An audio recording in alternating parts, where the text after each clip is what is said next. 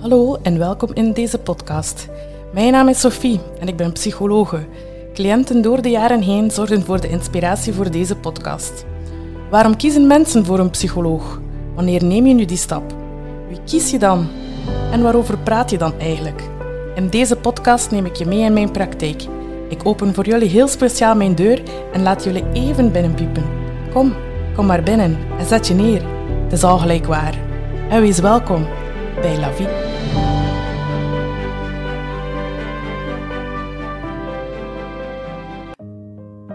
Wanneer mensen voor het eerst bij mij in de praktijk komen, dan stel ik hen vaak de vraag: weten jullie eigenlijk wat een psycholoog is en waarom dat jullie hier eigenlijk zijn? De meeste mensen kunnen niet zo goed deze vraag beantwoorden. Een psycholoog is, is, iemand waar tegen je praat, die je beter kan maken zonder dat je pillen voorschrijft. Het is ook iemand waarbij je mag wenen. Dat klopt voor een groot stuk, maar het vertelt nog niet echt wat een psycholoog is. Volgens mij zijn psychologen mensen die langdurig gedachten, gevoelens en gedrag bij mensen hebben bestudeerd en nagegaan zijn hoe deze drie categorieën zich verhouden ten opzichte van elkaar en wat de invloed daarvan is op ons dagdagelijks leven. Het is dan ook aan de psycholoog om tijdens de gesprekken met de cliënten op ontdekkingstocht te gaan naar gedachten, gevoelens en gedrag bij die specifieke persoon binnen een specifiek leven. Dan gaan we kijken of dat we eventueel iets kunnen of moeten veranderen en of dat we ergens zijn vastgelopen en hoe we dat een beetje losser kunnen maken. Waarom kiezen we voor een psycholoog? Waarom net nu? Waarom vinden wij dat we de stap naar een psycholoog moeten zetten? Ik merk dat daar heel wat taboe rond is bij alle cliënten die hier in de praktijk komen. Um, er is veel schaamte rond. Het is precies alsof ze het niet alleen kunnen. We worden verondersteld van allemaal onze eigen problemen te kunnen alleen oplossen.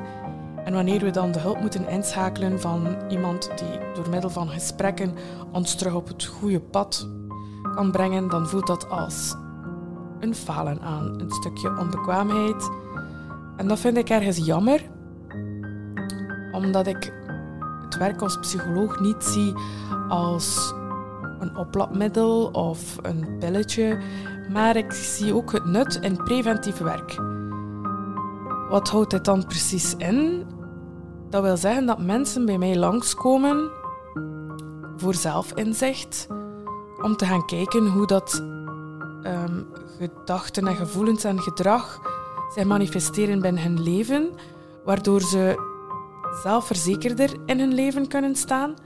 Mensen leren hun eigen triggers herkennen, waardoor ze vaak weten wanneer ze iets wel of niet aankunnen. Ze leren hun grenzen kennen. Ze weten hoe die grenzen te trekken, waardoor mensen steviger in hun schoenen staan. Uiteraard kunnen mensen ook bij een psycholoog terecht na traumatische gebeurtenissen, emotioneel stressvolle situaties, veranderingen binnen het leven of levensdomeinen, relationele veranderingen of problemen. Maar ook hier zie ik het nut van preventief werk in.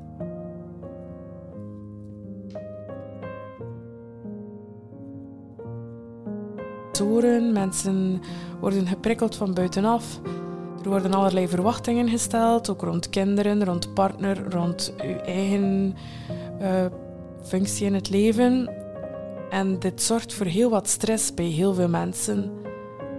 Het is dan ook goed om te weten wie je bent, wat je wil en hoe je dat op een constructieve manier kunt communiceren naar de buitenwereld.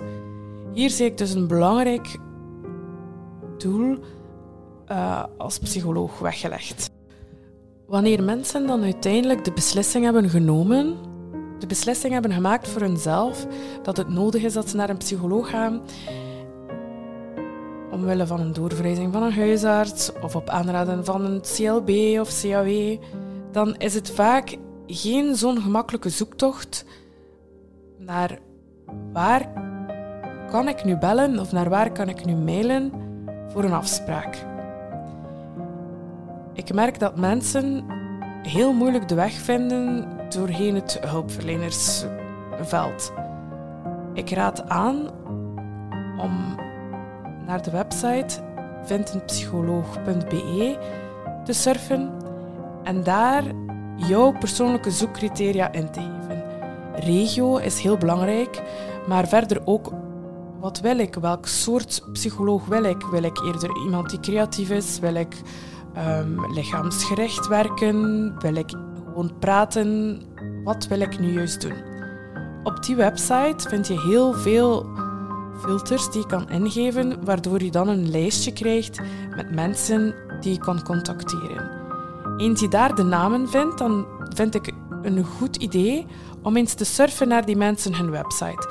Vaak vind je een foto, vaak vind je ook een um, beschrijving van wat ze aanbieden. En dan kies je de persoon waarbij jij een klik hebt. Volg daarin je buikgevoel en spreek die mensen aan. Bel die mensen op, vraag naar een wachtlijst, vraag op welke manier je kan een afspraak maken of mail, wat er ook werkt voor jou. Eens je de beslissing gemaakt hebt naar wie dat je zult gaan, dan is die eerste keer toch eigenlijk best wel spannend. Maar dat is normaal. Je moet een stukje van jezelf blootgeven. Bij de ene persoon loopt dat vrij vlot, bij de andere persoon hebben we wat meer tijd nodig. Dat is allemaal normaal. Volg je eigen gevoel, volg je eigen ritme, je eigen tempo. Alles is oké. Het is belangrijk dat je de stap zet, dat je voelt dat je niet alleen bent en dat we samen op pad kunnen gaan om te zien wie dat je bent, wat jij wil en hoe dat we jou daarbij kunnen ondersteunen. In mijn volgende podcast wil ik jullie graag meenemen hier binnen mijn praktijk en een keer horen waarover wij dat wij hier eigenlijk spreken. Je zal dan eigenlijk ook zien dat aanbrekende thema's zijn, dat het eerder om alledaagse dingen gaan, dat het hier geen wedstrijd is of meer of minder stress, meer of minder verdriet, dat elk met zijn of haar verhaal komt en dat alles oké is. Alles is goed en we volgen je eigen tempo. Dus wie graag meer wil weten, stay tuned voor de volgende podcast. Mijn deur valt stilletjes terug in het slot. Dat betekent dat we aan het einde gekomen zijn van deze podcast. Zorg voor jullie zelf en graag hoor ik jullie de volgende keer opnieuw voor een nieuwe portie. Love